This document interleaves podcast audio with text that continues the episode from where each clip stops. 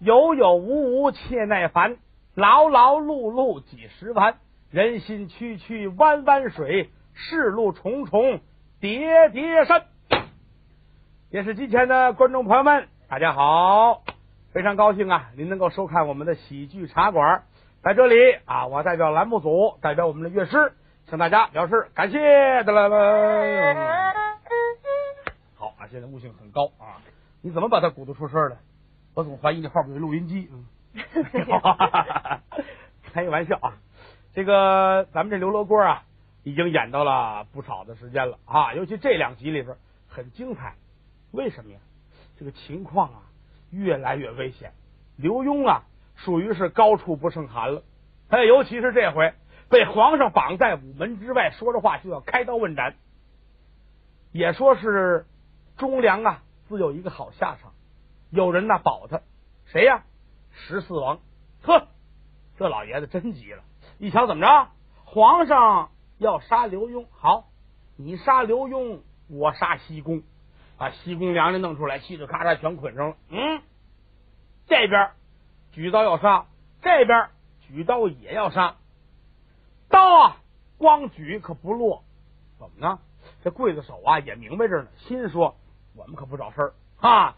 你要让杀不杀吧，到时候您不饶我们，可真杀了，以后也是事儿。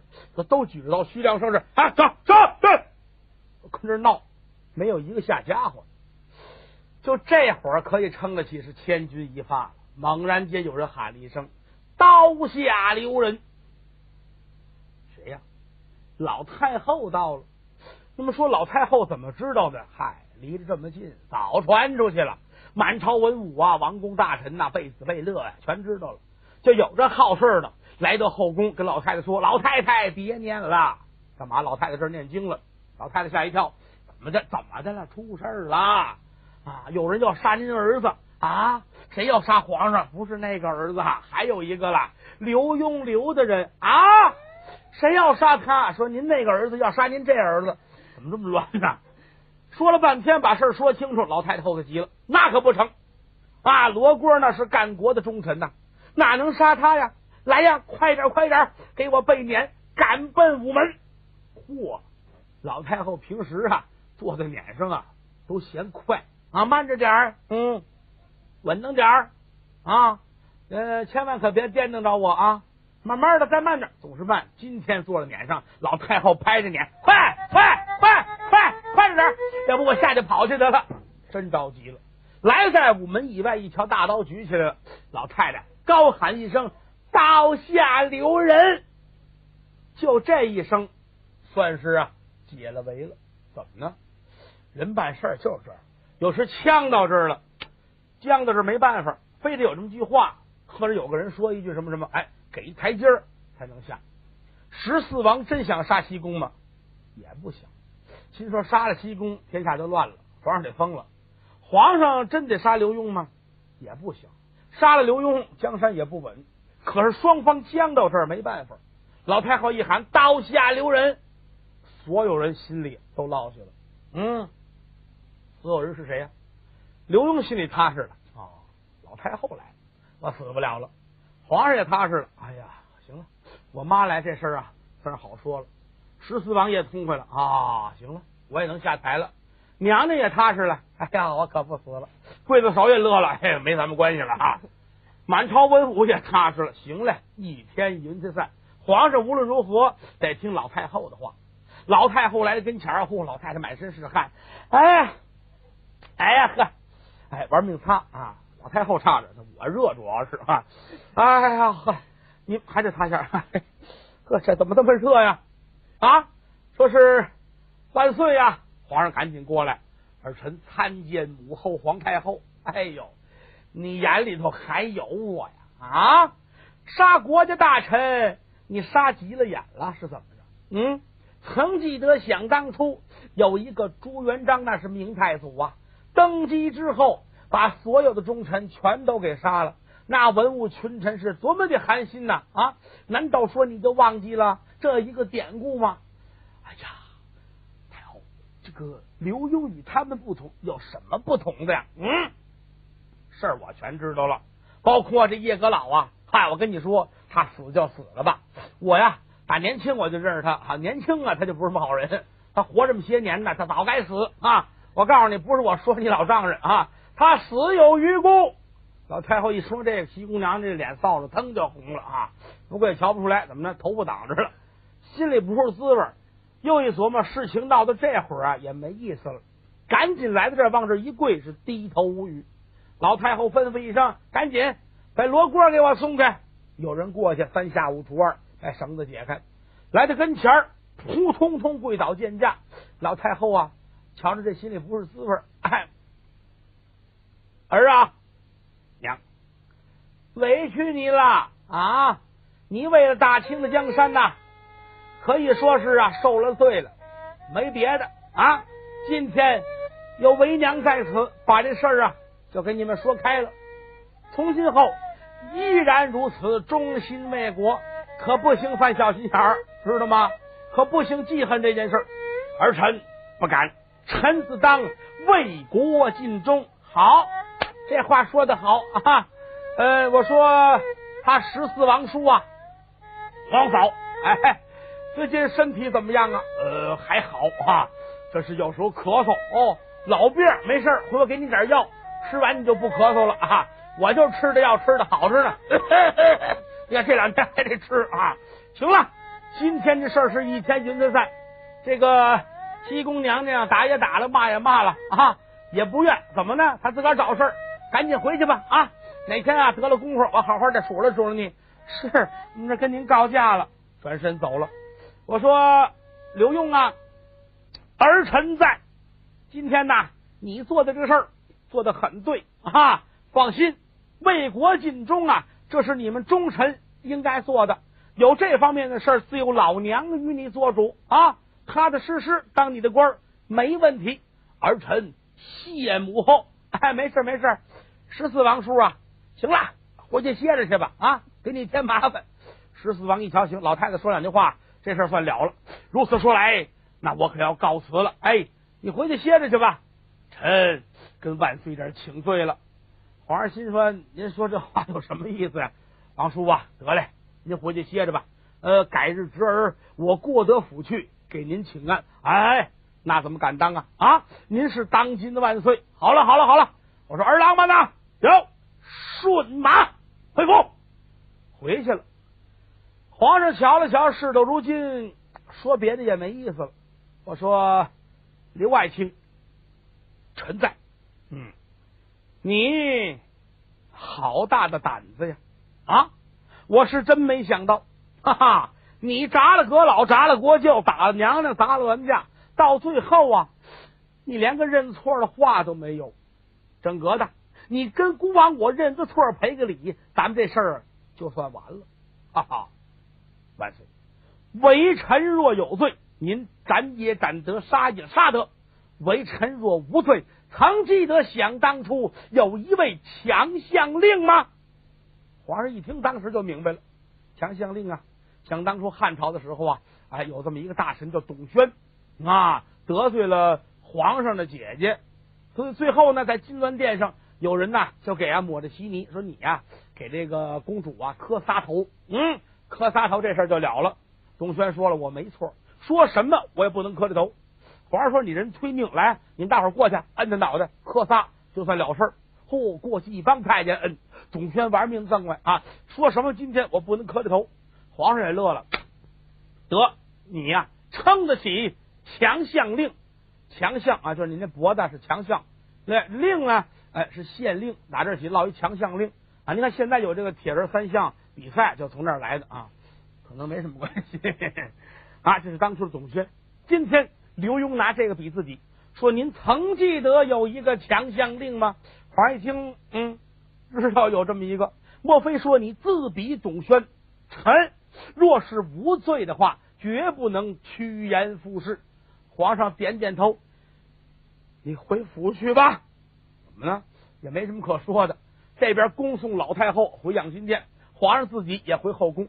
刘大人吩咐一声：“来呀，顺轿回府。”呵，一边走着，心里边高兴。张成、刘安也痛快啊！这一次，我们与皇室的斗争取得了决定性的胜利啊！可没想到最后啊，咱们是一根汗毛都没损，挺高兴。一行人可就回了自己的府。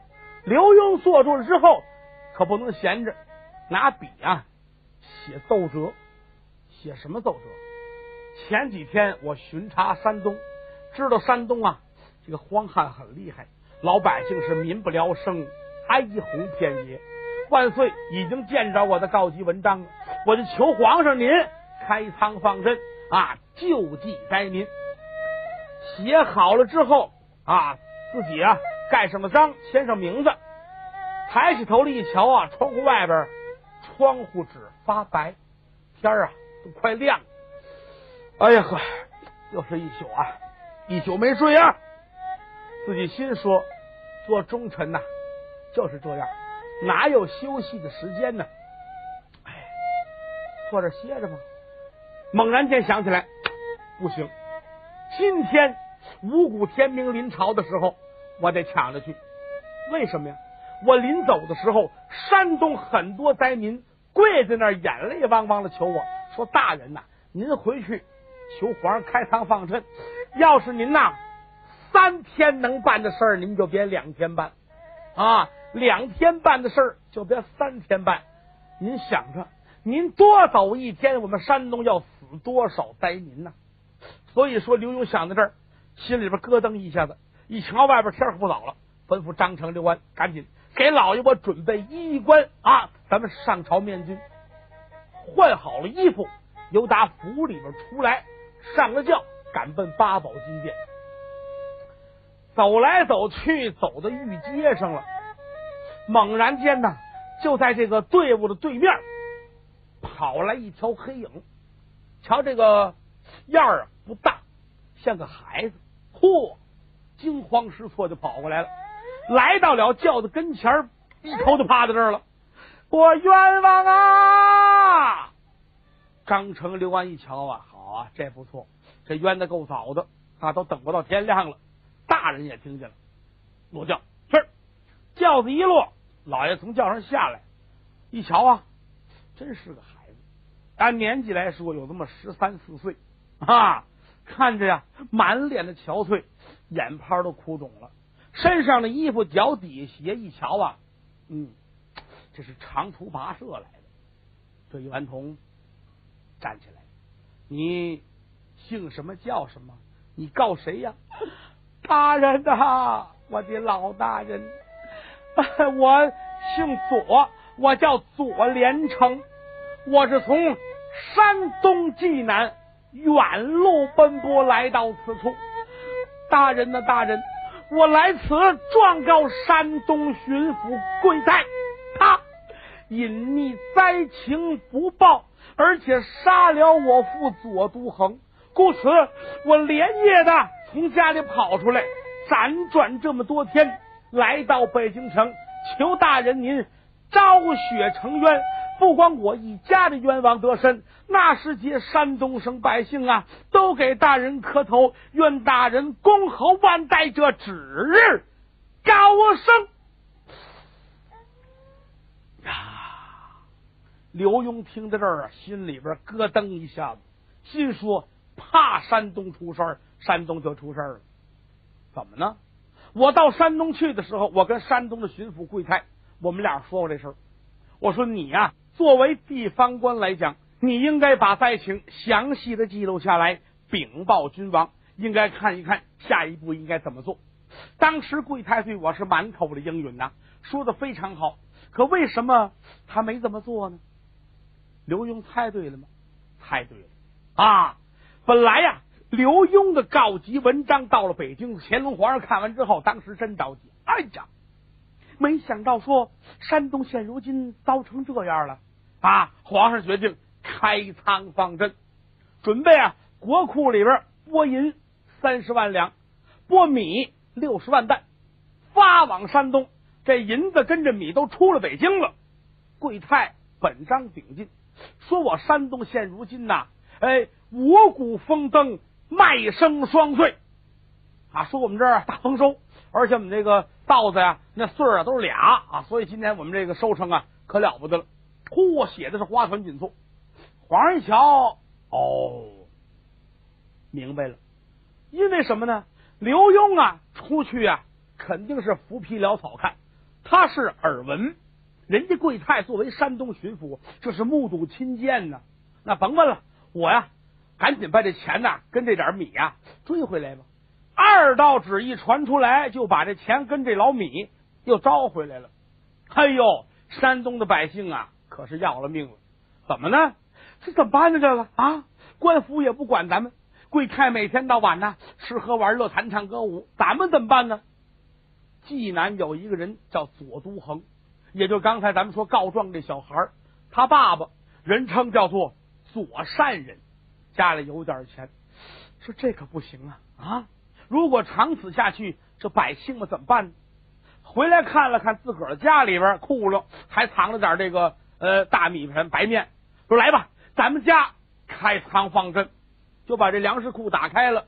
周围老百姓听说了，都去了，而且这门口啊架上大锅熬粥啊。说每天呢实在没辙的主啊，您上这儿来熬粥，虽说吃不了很饱吧，最起码不至于饿死。哎呦，老百姓们是感恩戴德呀。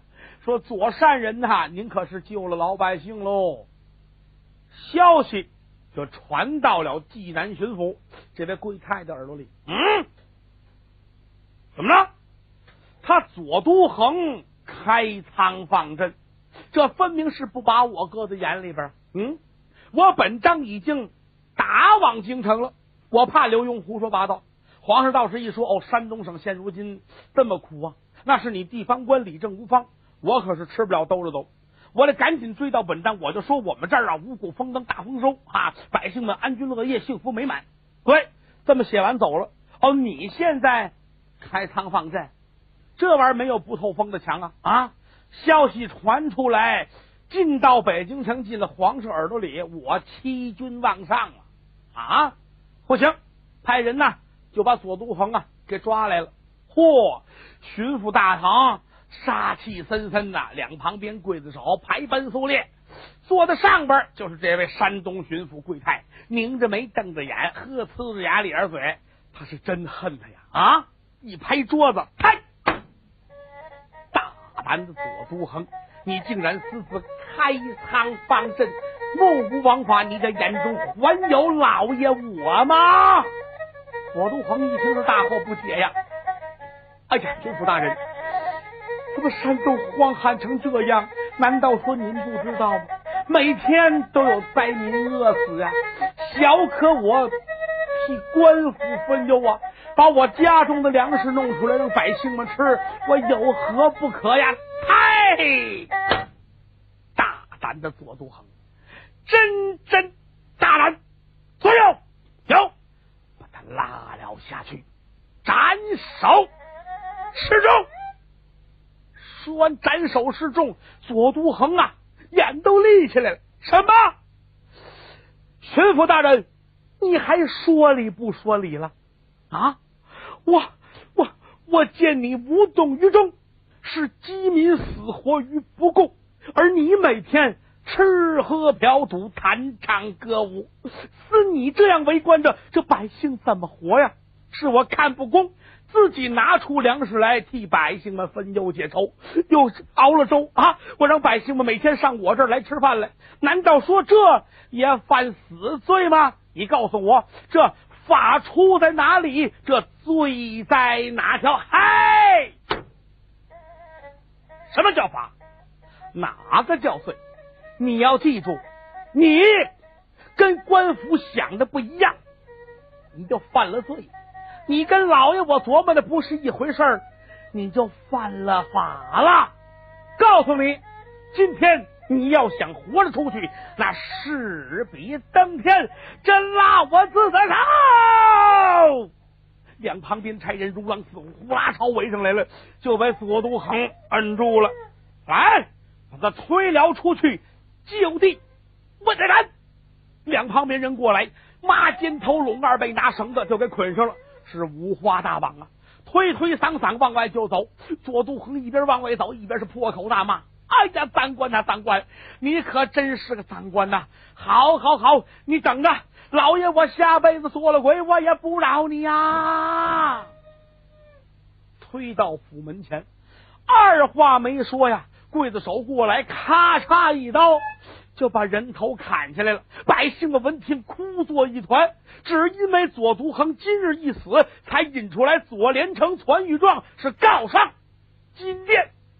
感谢您的收听，去运用商店下载 Patreon 运用城市，在首页搜索海量有声书，或点击下方链接听更多小说等内容。